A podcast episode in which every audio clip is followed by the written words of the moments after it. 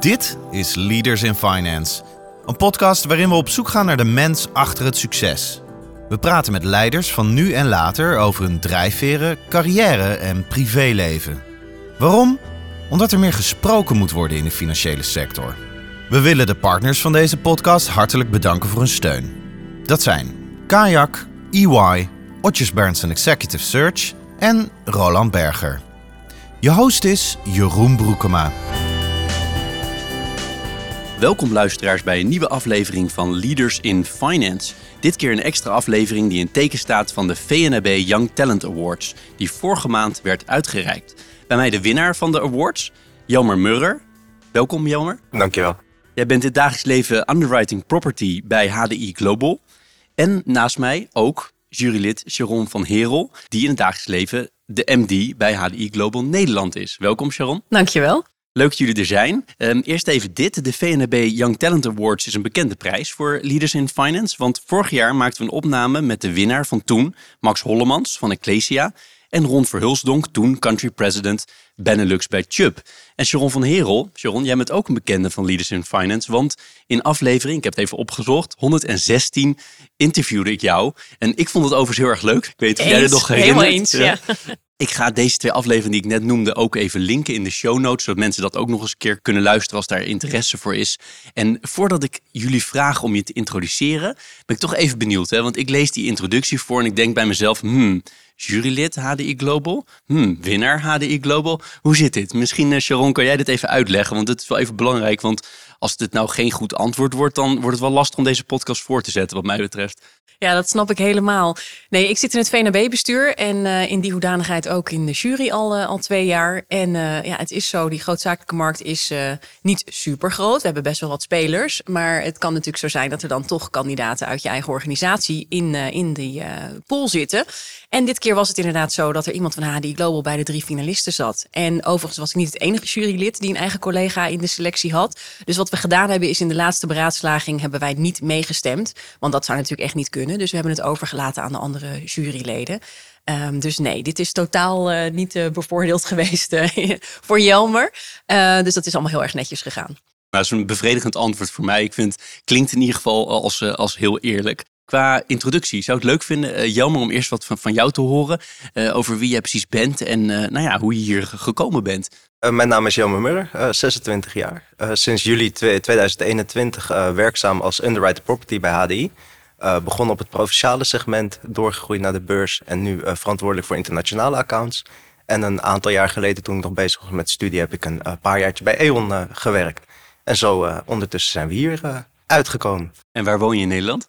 Ik woon op de Beierlandse Laan op Rotterdam-Zuid. Al negen jaar. Dus niet heel ver van je werk waarschijnlijk. Zeer zeker niet. Ik hoef maar 12 minuten met de metro. Hartstikke goed. En uh, Sharon, voor mensen die uh, aflevering 116 nog niet uh, gehoord hebben, misschien een korte introductie van jouw kant. Ja, nou, Sharon van Herel, dus Managing Director bij HD Global in Nederland. Die rol mag ik nu vijf jaar doen. In totaal 15 jaar werkzaam in de verzekeringsindustrie in verschillende rollen. Een achtergrond als jurist, um, gespecialiseerd in claims vanuit het verleden.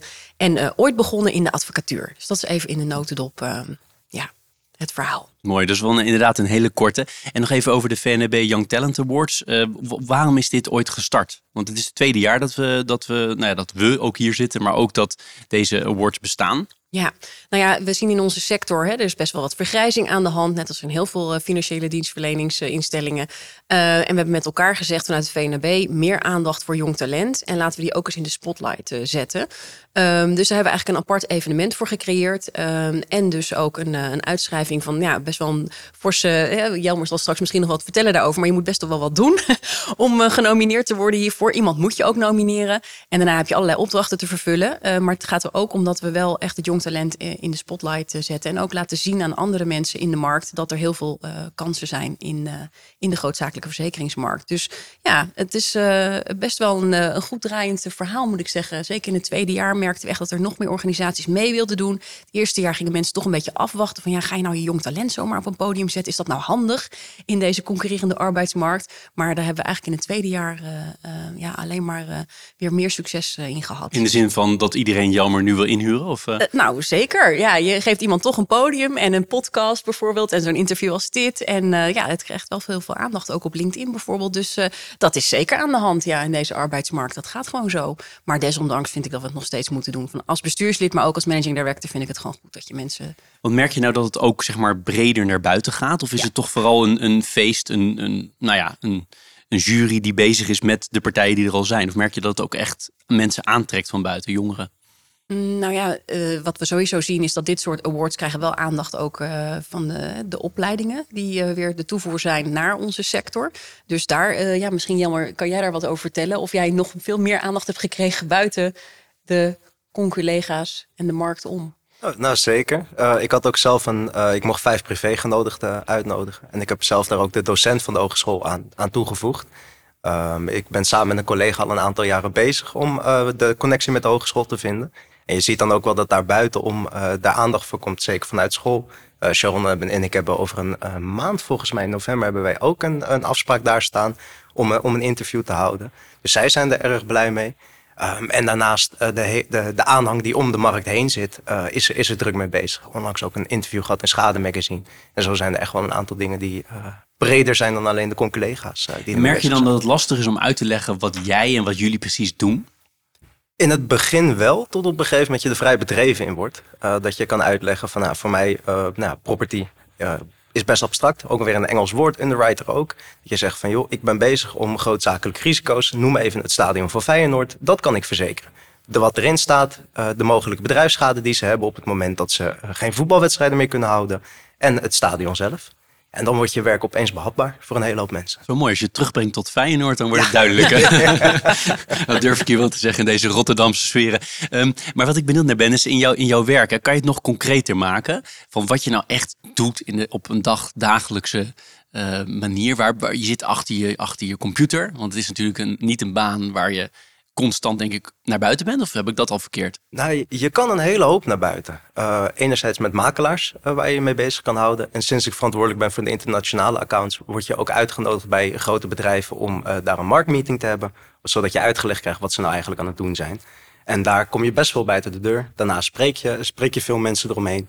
Um, dus je kan er zelf echt wel wat van maken. Maar eerlijk gezegd, ook ik zit een heel aantal dagen per week achter mijn bureau. Ja, want ik kan me ook voorstellen dat het een vak is, echt een vak wat je moet leren, waar je ook gewoon heel veel uren moet maken en meters moet maken om het goed te kunnen. Is dat dan ook zo in de praktijk dat jij constant naast mensen zit die 20 jaar, 30 jaar ervaring hebben om daar kennis van op te zuigen? Zeker. Op het, op het moment dat die beschikbaar zijn, merk je gewoon zeker als, uh, als nieuw iemand in de sector dat je daar uh, continu aan moet hangen. Um, je merkt dat er geen lesboek is wat jou vertelt hoe een verzekeringspolis in elkaar steekt. Uh, ga maar eens even uitzoeken op het moment dat er een, een, fabriek in China is waar een moertje fout gaat, dat dat zijn uitwerking heeft in Zuid-Amerika. Um, en daarin merk je dat de oudere collega's die dat al veel meer gezien hebben, daar een stuk ervaring in hebben die jij mist uh, als jong professional en daar die nodig hebt om die op te halen. En andersom heb je soms het gevoel, oh, misschien willen ze het niet toegeven, maar dat een meer ervaren collega, ik noem ze liever ervaren mm -hmm. trouwens, een meer ervaren collega, dat die weer dingen leert van jou die jij inbrengt? Nou, zeker. Ik denk een bepaalde kijk die je meebrengt als, als jongere van uh, hoe je kijkt naar duurzaamheid of hoe je kijkt naar uh, bepaalde oplossingen zoeken. Um, dat je merkt van hé, hey, joh, op het moment dat je elkaar niet fysiek kan meeten, kan dat ook via Teams. Uh, en zo zijn er allerlei kleinere dingetjes waarvan je zegt een, een andere kijk op een blik op risico's. waardoor je toch samen waardevol voor elkaar kan zijn. Leuk. En dan nu die VNB Young Talent Awards, Sharon. Waarom heeft deze meneer tegenover mij, Jelmer, waarom heeft hij gewonnen eigenlijk? Nou ja, uh, sowieso in uh, een hele sterke inzending. Iemand die je genomineerd heeft, die daar absoluut de loftrompet stak. en uiteindelijk, ja, door alle voorrondes heen, was eigenlijk een beslissende moment de pitch. En dan moet je voorstellen, sta je voor een volle kunsthal met allemaal enthousiaste mensen en aanhangers. Um, en ja, dan moet je dus gewoon in vijf minuten je verhaal heel scherp neerzetten. En dat heeft hij fantastisch gedaan. Daar stak hij echt met, uh, met kop en schouders uh, bovenuit. En uh, helemaal eigen. Hij heeft ook in helemaal niemand in het bedrijf gevraagd, bijvoorbeeld om daarover mee te denken. Dus het was voor iedereen een verrassing wat hij daar ging vertellen. En hij stond er gewoon. Dus dat was ongelooflijk knap. Was je zenuwachtig ook om toch iemand vanuit jouw bedrijf daar op het podium te zien? Nou, ik, ik ken Jelmer natuurlijk al een tijdje, dus ik denk, nou, dit, dit kan hij wel. Het is natuurlijk wel een intimiderende zaal om, uh, om te staan, weet ik uit eigen ervaring. Uh, maar ja, ik vond het wel spannend, omdat ik niet wist wat hij nou precies ging vertellen.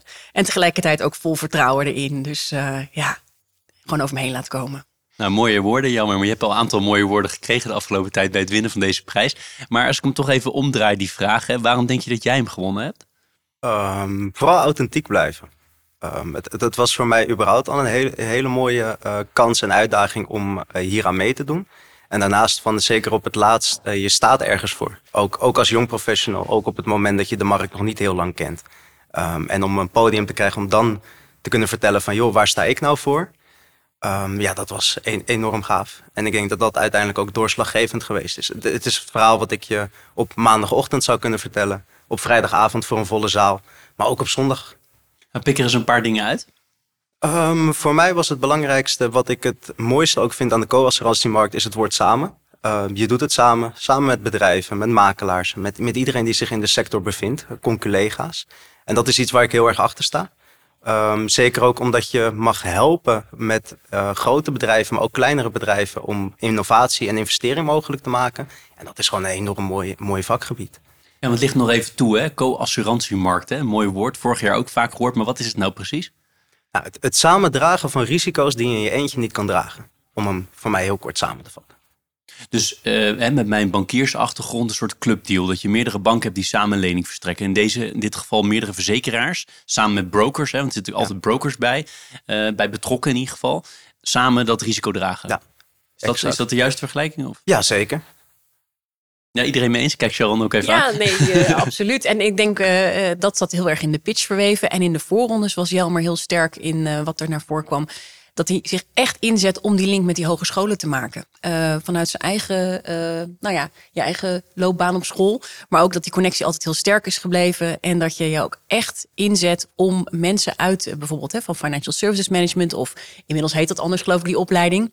Maar om echt gewoon uh, ja, er steeds te staan, presentaties te geven, uh, naar hogescholen toe te gaan, om, om te laten zien hoe leuk de sector is. En uh, dat doe je allemaal nog eens bovenop dat werk. En die enorme leercurve waar je ook in zit. Dus, en dat is echt vanuit een eigen gedrevenheid. Dat viel de jury in elk geval in de voorrondes op. Leuk. En jammer, jouw klasgenoot, hè? want hoeveel mm -hmm. jaar geleden ben je afgestudeerd aan de hogeschool? Volgens mij nu vijf. Of vijf jaar geleden. Heb je een beetje een beeld waar zij terecht zijn gekomen, grofweg? Um, overal nergens eigenlijk. Uh, sommigen zijn nog bezig met een nieuwe studie. Uh, anderen zijn eh, bij banken terechtgekomen. Veel zijn bij banken terechtgekomen. Alleen je hebt ook mensen die zijn uh, voor recruitmentbureaus gaan werken. Best wel en in jouw markt? Zijn er nou nog meer mensen zoals jij die in de grootzakelijke verzekeringsmarkt zijn gaan werken? Ja, zeker. Niet, niet direct mijn klasgenoten, maar wel uh, leergangjaren boven mij. De collega met wie ik veel voor de hogescholen doe, heeft ook in de voorganger van FSM gestudeerd. Uh, en zo zijn er nog een paar collega's die uh, daar van, van die opleiding vandaan komen. Ik maakte net de vergelijking met de banken, hè? toch hier ook nog een, nog een keer doen. Zie je nou dat die banken makkelijker mensen aantrekken dan? Ja, zeker. Uh, ik, ik, denk dat iedereen de Rabobank kent. Um, en op het moment dat je over verzekering praat, dan roep je heel snel Interpolis. Um, alleen kan ik je vertellen dat de polisbladen die wij uitschrijven zeker niet binnen een dag op je mat kunnen liggen, omdat ze gewoon veel complexer zijn. Ja, en, en banken hebben die, hebben die status nou eenmaal. Dus het is met name de naam die ze hebben. Maakt dat het grote verschil? Of zou er ook nog iets in zitten dat je daar bij zo'n bank heel veel verschillende functies hebt? Of geldt dat bij jullie ook? Dat, dat geldt bij ons ook. Ik denk dat er een hele hoop supportfuncties zijn uh, van de business zelf.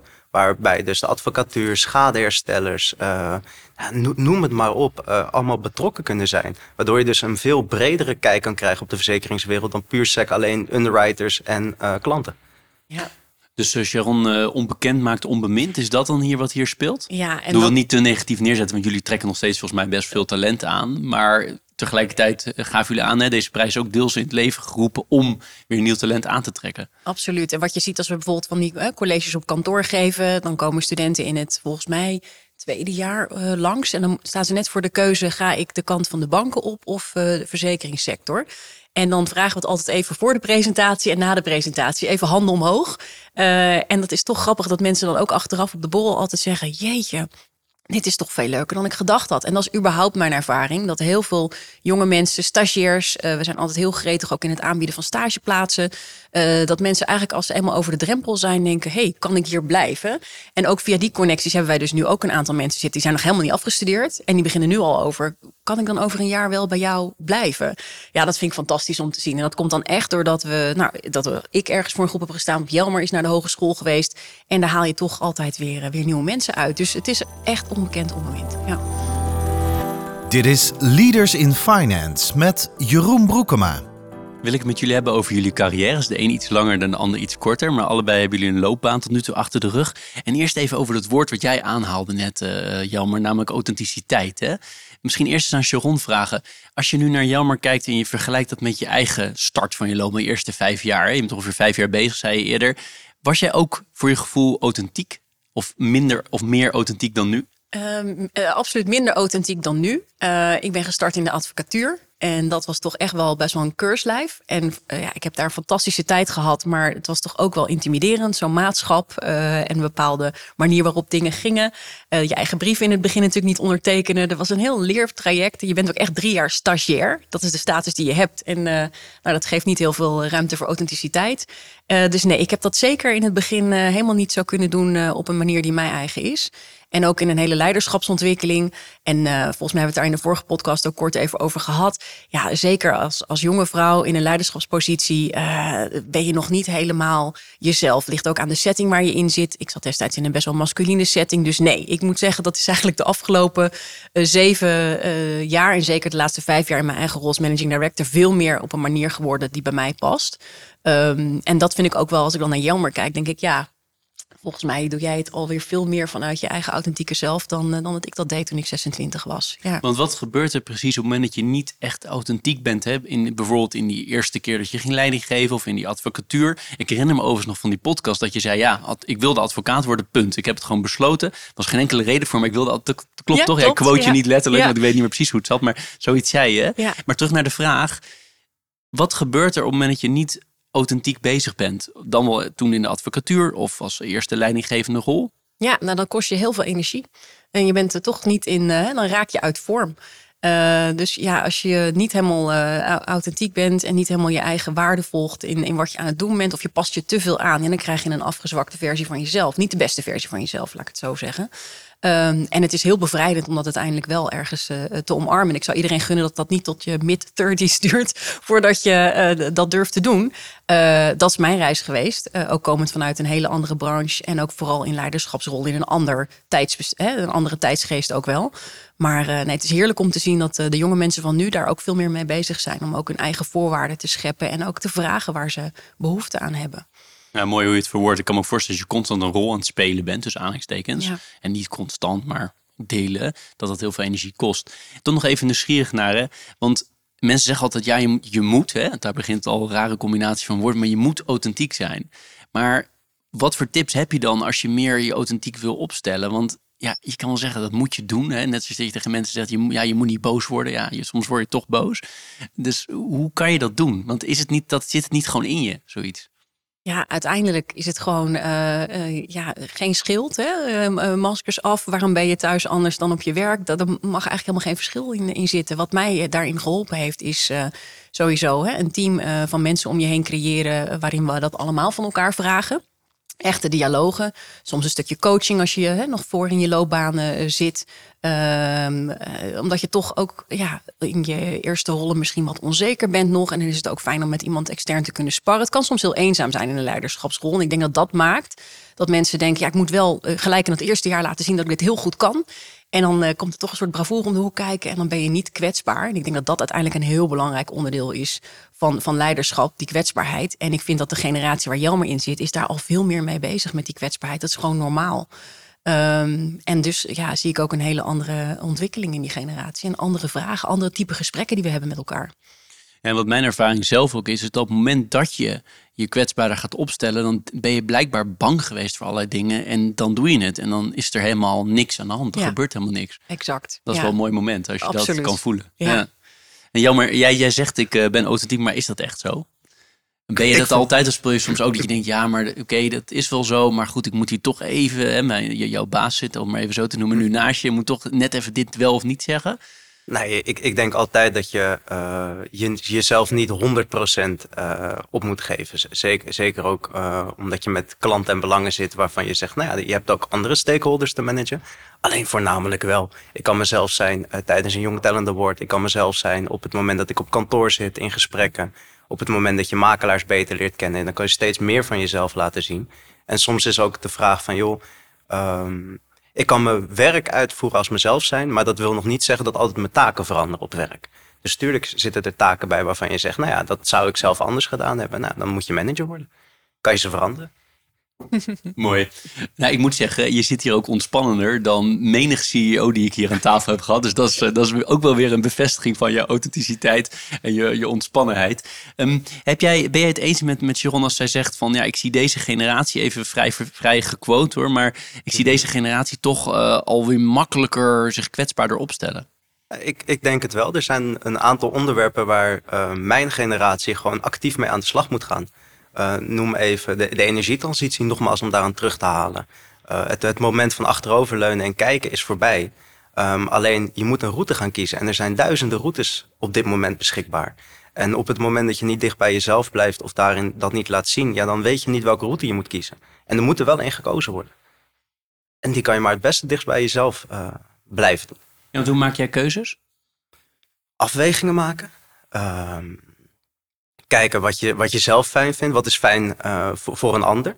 En ik denk voornamelijk ook het woord bij een ander. Uh, rekening houden met een ander. Dat dat iets wat uh, mijn generatie gewoon keihard op zijn neus heeft gedrukt. Want hou je geen rekening met elkaar, dan kan het zomaar zijn dat bijvoorbeeld door de vervuiling in China, omdat ik hier graag mijn elektronica product wil hebben, dat mensen daardoor een veel slechter leefklimaat hebben. Dus op het moment dat ik hier kies om een nieuwe computer te kopen, kan ik mezelf ook wel eens even twee keer afvragen. Hé, maar wacht even. Is hetgeen wat ik nu nog heb, lukt dat nog? Kan ik daar nog mee weg met mijn oude laptop? Want er zijn ook mensen die daar de laptops produceren, die het een stuk minder gaan krijgen. Mooi. Nou, straks wil ik nog met jullie over, over duurzaamheid hebben, een belangrijk, belangrijk thema. Nog even over jouw carrière. Zijn er bij jou momenten geweest in die afgelopen vijf jaar die heel cruciaal zijn geweest achteraf bekeken? Zeker. Ik, ik ben in coronaperiode afgestudeerd. Het was toen lastig om werk te vinden. Zeker ook moeilijk om werk te vinden wat uitdagend was. Uh, ik heb daardoor ook een, een kort uitstapje moeten maken. Alleen wel dat je merkt van ja, ik ben uh, op mijn 17 het huis uitgegaan. Je hebt kosten die je goed moet maken. Dus de cruciale momenten zitten er wel van ja, kies je een juiste werkgever. Is die toekomstbestendig? Uh, kan ik zomaar nog 30, 40 jaar in de sector blijven werken? Wetende dat die sector enorm aan het veranderen is. Of dat die onderhevig gaat zijn aan technologieën uh, die mogelijk banen kunnen overnemen. Je zegt, nou, dat zijn wel cruciale keuzes al vrij vroeg geweest. En momenten op je werk dat je dacht van, hé, hey, nu heb ik door dat als ik zo doorga, dat ik stappen kan gaan zetten hier? Ja, uh, ik denk heel eerlijk gezegd anderhalve maand geleden nog. Uh, toen kreeg ik de keuze, ik deed hiervoor uh, deed ik beurs, nationaal segment. Het zijn wat kleinere risico's, nog steeds grote omvang. maar toen kreeg ik de keuze van, joh, we hebben personeelstekort. Zou jij de internationale klanten willen gaan behandelen? Nou, en dat is dan de keuze om te zeggen van, ja, vind ik dat ik voldoende ervaring heb? Nee. denk ik op dit moment dat ik zelfverzekerd en heel doelbewust die klanten kan gaan behandelen en kan gaan servicen? Nee. Um, maar op het moment dat er een trein voorbij komt die niet vaak voorbij komt, ja, kan je die keuze maken. En die heb ik anderhalve maand geleden ook gemaakt. Ben je iemand die uh, heel veel uren steekt in zijn werk? Ja, absoluut. Nee, voor, voor mij is, um, zeker, zeker in het begin, ik denk nog een, een jaar geleden tijdens de renewalperiode, uh, praten we dan makkelijk gezegd over tientallen, misschien honderden overuren die je erin hebt gestopt. Puur vanuit jezelf. Het is niet dat het gevraagd wordt. Um, alleen je merkt wel dat op het moment dat je iets doet wat je leuk vindt, uh, dat de hoeveelheid tijd die je daaraan besteedt vrij snel door gaat schieten. Om maat te houden. Ja. Ik kan je wel vertellen dat uh, van de 142 CEO's die ik uh, geïnterviewd heb, dat er als er één rode draad is, is dat ze allemaal keihard gewerkt hebben aan het begin van hun carrière. Daarna vaak ook, maar zeker aan het begin van hun carrière. Dus ik weet niet wat je daarmee moet verder, maar ik wil het maar even opgemerkt hebben. Jij wil iets zeggen, Sharon? Ja, nou daar hadden wij het ook over in de auto uh, hier naartoe. Uh, ik zei, heb je nog plannen om uh, nog te gaan reizen of iets te gaan doen? En toen hadden we het heel erg over werk. Zei ik, ja, maar werk, er is meer dan alleen werk. En, en de, ja, je kan het niet uitstellen tot, je, ik kan je beloven, je dertige jaren, zeker als je gezin wil, worden niet rustiger of zo. Dus combineer het, hè. Work smart, uh, play hard uh, hadden we het over. En ook ja, die werk-privébalans. De sector is niet standaard een sector die vraagt om heel veel overwerk. Uh, maar er is altijd veel te doen. En zeker, ik herken heel erg wat je zegt. Als je werk leuk vindt, dan voelt dat ook helemaal niet zo. Maar tegelijkertijd, het leven is nu. En uh, dus daar hadden we het over van... hé hey, Jelmer, ik vind dat je daar toch even wat plannen moet gaan maken voor jezelf. Dus ik vind het grappig dat je het nu ook aanhaalt. Uh, maar dan met, met de reden dat het bijvoorbeeld tot burn-out kan leiden? Of met de reden van er, er is meer in het leven wat je net eigenlijk ja. zegt. Maar wat is jouw nummer één drijfveer hier? Mijn nummer één drijfveer is dat ik denk dat er meer is in het uh, leven dan alleen werk. En dat je ook een, een, leuker en completer mens bent als je verschillende gebieden in je, in je hey, relaties die je hebt allemaal voldoende aandacht geeft. Dus daar geloof ik zelf persoonlijk heel erg toch ook gewoon gedaan op deze manier? Nou, dat, dat zat ik natuurlijk met jou maar ook over te bomen. Van, ik weet dat ik in beginjaren advocatuur, ja, dat ging ook echt helemaal nergens over. Dus het komt ook wel wijsheid komt met de jaren op dat uh, vlak. Uh, waarbij je dan nog steeds, uh, ik, ben, ik herken heel veel daarin, nog steeds ontzettend gedreven bent. Alleen probeert om dat nou ja, te compenseren ook met leuke plannen en ook wat beter te verdelen allemaal. wetende dat dat rustigere moment toch niet gaat komen of zo over vijf jaar. Dus doe het dan maar nu. Um, en dat, uh, ja, dat geeft ook weer nieuwe energie en nieuwe inzichten. Dus, uh, ja. ja. dat is alvast een hele mooie tip hè, die je dus hebt voor Jelmer. Heb je nog andere tips? Of Jelmer, heb jij tips voor Sharon? Dat vind ik ook wel leuk om te horen. Nee, ik, ik, ik denk daarin dat het mooie is van op het moment dat je uh, hetzelfde in bepaalde dingen staat, een bepaalde drijfveer hetzelfde hebt, van ja, la, laat, laat die niet los. En ik denk het mooie is, dat kan dus, uh, is dus niet leeftijdgebonden alleen maar. Um, je blijft vooral gedreven en ik denk die authenticiteit die je uh, moet hebben. Ik denk dat dat ook een, prachtig is. Blijf dat altijd vasthouden. Het heeft er in ieder geval voor gezorgd dat ik met enorm veel plezier voor het bedrijf werk waar Sharon managing director van is. En um, dat dat ook enorm afgeeft op de rest van de organisatie. Nou ja, de, de, energie die je krijgt, de energie die Sharon overbrengt op haar leidinggeven en dat dan weer mijn directe lijn. Ja, maar hoe doet ze dat dan? Toch even, het is een beetje tricky om zo te vragen, maar ik vind toch wel even, even benieuwd naar. Want, hoe, want eh, op mij komt Sharon ook over als iemand met heel veel energie, maar hoe, hoe doe je dat? Want dat is natuurlijk cruciaal in leidinggevende rollen. Als je geen energie kan overbrengen, ja, dan gaat iedereen een beetje zo uh, met schouders uh, laag rondwandelen. Nou, ik, ik, ben, uh, in het begin zat ik bij een Amerikaanse organisatie en daar merkte je dat het leiderschap veel meer Amerikaanse stijl was. Uh, wat passiever. Uh, nou ja, de, de, de CEO gaf altijd vanuit een tower in Chicago gaf hij een speech. En dat mooie Sharon zie je op de werkvoer rondlopen. Uh, af en toe voorbij vliegen met haar sneakers. Ja, geweldig om te zien dat je denkt, oh ja, dat is, mijn, dat is mijn managing director. Maar die is dus ook toenaderbaar. En niet het gevoel van, vanuit een ivoren toren dat ze bezig is. Zo, mooi compliment, Jeroen. Ja, zeker. Had jij verder nog andere tips voor, uh, voor, voor Jelmer of Jelmerse collega's, voor, voor mensen die nog niet zo heel lang op de arbeidsmarkt actief zijn? Nou ja, uh, wat ik denk, uh, wat ik net zei, die, die balans toch wel. Hè? Ehm, en achteraf, als ik terugkijk op mijn eigen loopbaan en ook die zoektocht naar een stukje authenticiteit ook die mentoren. En ik denk dat Jelmer dat ook goed doet. Hè. Die omringt zich ook met mensen uh, die wel wat meer ervaring hebben. En is ook heel erg bereid om daarvan te leren. Maar dat je het ook niet alleen hoeft te doen. Op dat spoor zit je al heel erg uh, van samen. Um, dat het ook echt een, uh, een effort is. Uh, nou ja, dat je inderdaad je collega's, je peers, mensen in de markt. En dat vind ik zo mooi. En Jelmer inspireert ook terug. Want uh, die heeft echt wel meer tips voor mij, dat weet ik zeker. maar hè, als, als je nou Jelmer op kantoor ziet bewegen, die is ontzettend van het bellen bijvoorbeeld. Die loopt altijd te bellen met klanten. En, en nou, dat vind ik in zijn generatie zie ik ook wel eens anders. Dus ik zou zeggen, pak de telefoon op mensen. Wordt heel weinig nog gebeld. Wordt heel weinig gebeld. En dan gaan we mailen. En nou ja, dan weten we allemaal hoe dat eindigt. Uh, dat kost heel veel tijd en energie en misverstanden, et cetera. Dus dat uh, vind ik altijd zo mooi aan Jammer. Die is altijd aan het bellen. Dus uh, dat vind ik, dan denk ik, oh ja, ik ga zelf ook weer meer in de telefoon klimmen. Het is zo makkelijk om, om het op een andere manier te doen. Maar, maar wat ik ook mooi vind, is een verhaal wat hij eerder met mij deelde. Hij wandelt altijd van, van huis naar werk en vice versa. Um, dat is ook reflectietijd.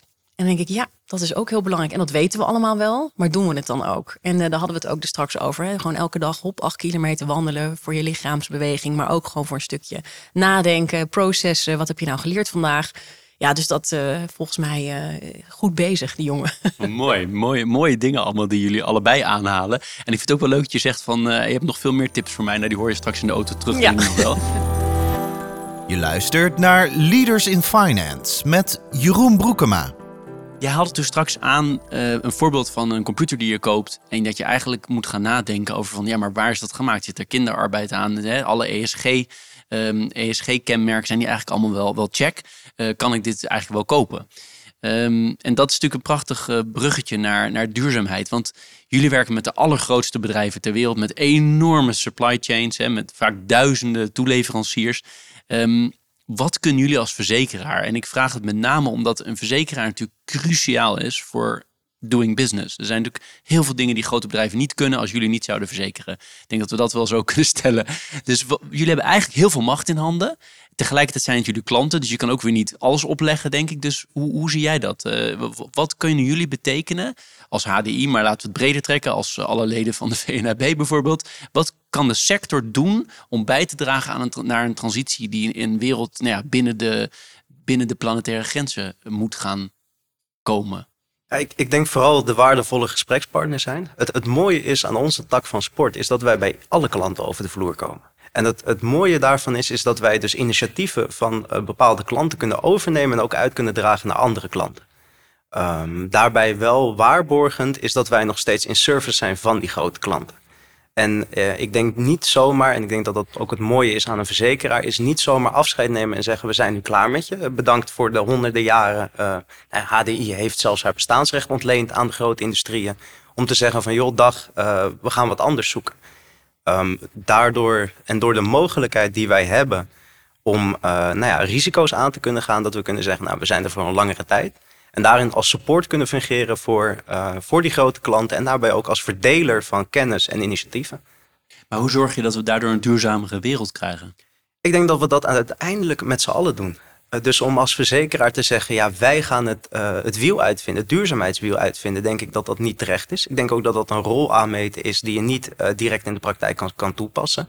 Het enige wat je wel kan doen, is ervoor gaan staan, dat verhaal blijven uitdragen en de klant die die support nodig hebben, die support gaan bieden om duurzamer te worden. Maar laten we eens concreet maken. Hè. Er komt een uh, groot bedrijf waarvan je weet dat is een van de grootste uh, uitstoters ter wereld. Hè, die een van de grootste, uh, nou, bij, de grootste bijdrage leveren aan, aan, het, aan klimaatverandering. Dan kunnen jullie ook zeggen van wij gaan dat niet verzekeren. Ik noem maar wat.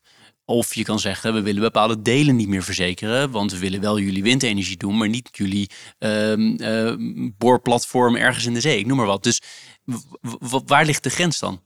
Ik, ik, denk dat die grens ligt bij de gedachtegang en het initiatief dat het bedrijf zelf neemt.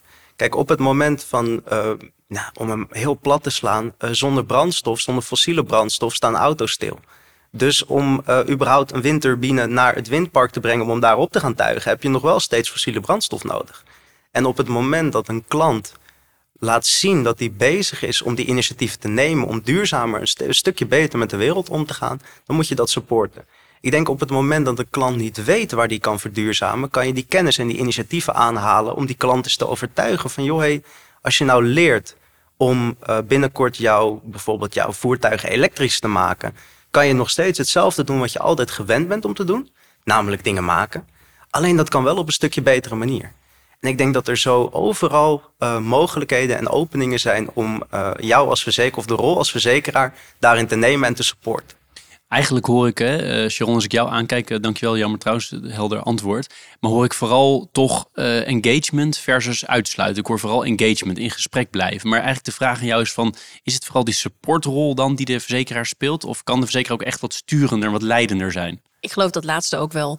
Um, ik denk inderdaad, hè, we willen partner in transitie zijn voor partijen die een plan hebben. Als je geen plan hebt, ja, en er zit geen aan de horizon binnen nu en vijf jaar eh, gaan er serieuze stappen gezet worden, dan kunnen we uiteindelijk ook geen partners in business meer zijn. Dus ik geloof er heel erg in, niet morgen in de kou laten staan, maar wel dat pad van transitie samen bewandelen. Maar wel moeten er wel serieuze stappen worden gezet. Um, ik geloof ook wel in dat we daarin nog meer kunnen sturen. En wat je ziet in de co-assurantiemarkt, in de grootzakelijke markt, is dat we daar in het verleden hebben dat niet altijd helemaal goed gedaan. En uh, in jouw pitch, Jelmer, haalde je dat ook aan. Hè? Zonnepanelen, de bakels. Massaal worden de zonnepanelen in Nederland gelegd en wij zijn niet thuis om ze uiteindelijk te verzekeren. Daar zaten allemaal technische en valide redenen achter. Maar je krijgt wel de reputatie dat we de rem zijn uh, op de verandering uh, als sector. En dat is nu waarom de, dit ook zo spannend is. we hebben allerlei nieuwe technologieën te verzekeren. En verzekeraars houden van data, zekerheid en modellering. En dat gaat niet. Dus heb je dan het lef uh, om naar voren te stappen? Dan komt heel erg dat samen, want we zullen moeten leren en dat gaat ook leergeld kosten. Dus met hoe meer partijen je daarin stapt en allemaal een heel klein stukje van het risico draagt, betaal je ook allemaal een klein stukje leergeld uiteindelijk. Dus het is wel echt een cruciaal moment wat mij betreft dat die sector meer durft, meer naar voren stapt en niet het kartje uit de boom kijkt, want dan verliezen we kostbare tijd in die transitie. Um, en dat vraagt om een ander type leiderschap en een heel groot stuk uh, lef. En, uh, en even wegkomen van die, van die vaste zekerheden. En die, ja, die pricing models die kloppen ook niet meer. Um, en we gaan allerlei nieuwe technologieën uh, zien die ook schade voorkomen. En hoe prijs je dat dan in?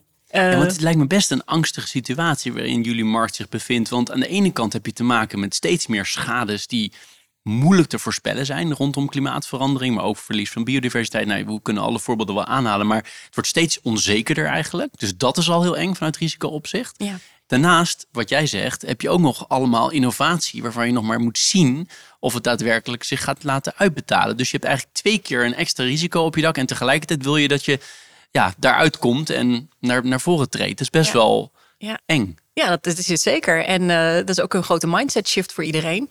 Uh, maar ja, als er nou toch één sector uitgerust zou moeten zijn om met risico's om te gaan, dan zijn wij het. Uh, dus dat, is, dat vergt heel veel nieuwe kennis opdoen. Uh, dus we, samenwerking met kennispartners, niet meer leunen op datgene wat je nu weet, maar je nu al actief verdiepen in wat er morgen mogelijk op je bureau komt. Want onbekend, onbemind geldt ook hier. Als je niet precies weet hoe het zit met waterstof of met de batterijopslag, nou dan leg je hem even aan de kant misschien. Hè? Ingewikkeld risico. Maar we moeten juist naar voren stappen. Dus het gaat over je kennis heel actueel houden. Het gaat over dus veel meer die samenwerking opzoeken. Is de energietransitie een concurrentie-item. nou, daar moeten we het met elkaar vaker over hebben. We moeten veel meer uh, kennis delen ook. Dat we niet allemaal parallel het wiel gaan zitten uitvinden. Want wat heb je eraan als HDI uiteindelijk uh, ja zegt, maar er verder niemand op die polis intekent? Ja, dan is het risico alsnog onverzekerbaar. Dus het is ook een hele andere vorm van samenwerking met je conculega's. En, en dus ook externe kennis die je daarin betrekt. Nee, het is totaal buiten de comfortzone. Maar het zou toch wel een gebied moeten zijn waar wij ons heel makkelijk in kunnen begeven. En kunnen jullie dat eigenlijk zonder overheidsgaranties? Als het gaat om die hele grote projecten, hele grote innovatieve projecten, bijvoorbeeld in de energietransitie die net werd aangehaald? Ja, nou ja, dat is heel, heel vaak als je een dialoog voert met klanten of met collega's, is het ja, maar de overheid. Alleen ik denk niet dat we daarop kunnen wachten. dus de overheidsgaranties, uh, wat, wat ik zie als grootste taak voor de overheid in het hele transitiestuk, waar wij ook wel uh, zien dat bedrijven tegenaan lopen, is die enorme kluwen aan wetgeving en regels, waardoor heel veel mooie projecten met goede intenties totaal niet tot wasdom kunnen komen, omdat je vastloopt in omgevingswetten of wat dan ook. Het is bijna niet te realiseren. Uh, en daar worstelt de Nederlandse industrie enorm mee. Nou, dat zijn onze klanten. Ik denk dat mogen van de overheid vragen. Um, maar er moet voldoende kapitaal beschikbaar zijn om gewoon zonder overheidsgaranties ook wel uh, spannende dingen te gaan doen met elkaar. De klanten, jij spreekt ook klanten toch? Ja. Neem ik aan.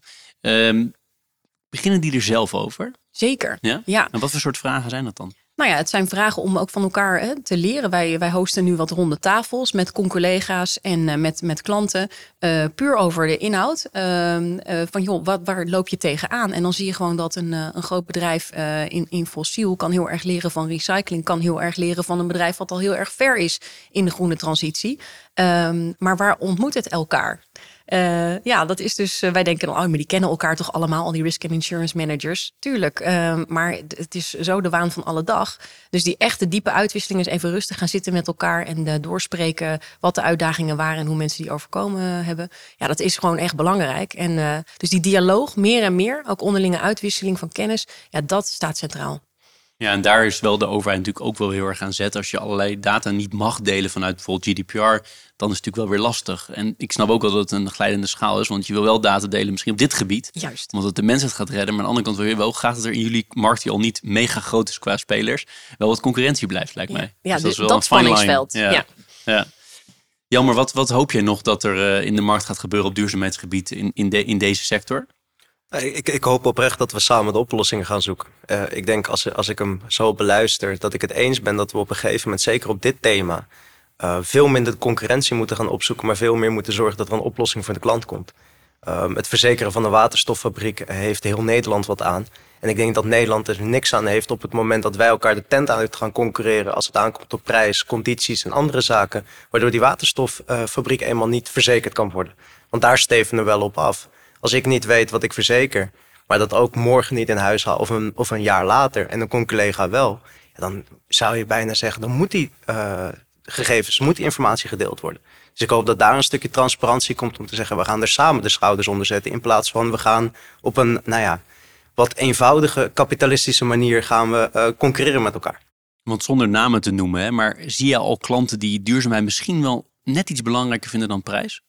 Zeker. Prijs, ik kan voorstellen, jij zit met de CFO, dat de CFO toch ook prijs heel, heel belangrijk vindt. Absoluut. Je, hebt, je hebt ondernemingen, en ik denk dat het mooi om te vergelijken is, je hebt olietanker ondernemingen en je hebt speedboten. Op het moment, ja, de speedboot, men weet dat een speedboot veel duurder is per oppervlakte dan een olietanker. Um, en dat je daarin zegt van er zijn dus klanten met een kleinere omvang die heel goed begrijpen dat duurzaamheid en vooral een duurzame relatie daarin veel belangrijker is dan die prijs. Alleen op het moment dat uh, jij een product levert waar een klant maximaal 30 cent voor kan betalen en nu opeens 45 cent voor moet gaan betalen, dat dat echt wel een enorme druk geeft om jou uiteindelijk mee te gaan krijgen in die uh, hele duurzaamheidskwestie. En dan is prijs denk ik toch nog weer iets belangrijker. Harde turn maar volgend jaar is er weer een VNB Young Talent Award. Als ik dit zo beluister. Volgens mij mag Jelmer dan niet meer meedoen, denk nee, ik. Nee, dus, uh, je mag maar één keer. Helaas, dat is erg jammer. Zou je misschien weer kans maken. Uh, maar hij, ah, hij komt er weer dus. Zeker, ja. ja. En uh, wat moet nou degene doen? Stel dat ik in jullie sector zou werken. Wat zou Jeroen Broekema moeten doen om te winnen? Geef mij een paar tips alsjeblieft. Nou ja, het begint met iemand in je omgeving die je wil nomineren. Want je mag niet jezelf nomineren. Daar kan je natuurlijk wel hè, wat uh, influisteren links en rechts. Maar het gaat om uh, toch die mentoren en die mensen die zien wat jij doet uh, elke dag. En het mooiste is natuurlijk als dat gewoon een spontane inzending is. Dat je er zelf ook verrast door bent. Um, ja, en dan is het uh, toch uh, het vinden van echt een thema wat dicht bij je hart ligt. We komen weer terug op het onderwerp authenticiteit. Hè? Dat je daar echt kan staan vanuit iets wat je vanuit je tenen kan vertellen. Net zoals Jammer dat gedaan heeft.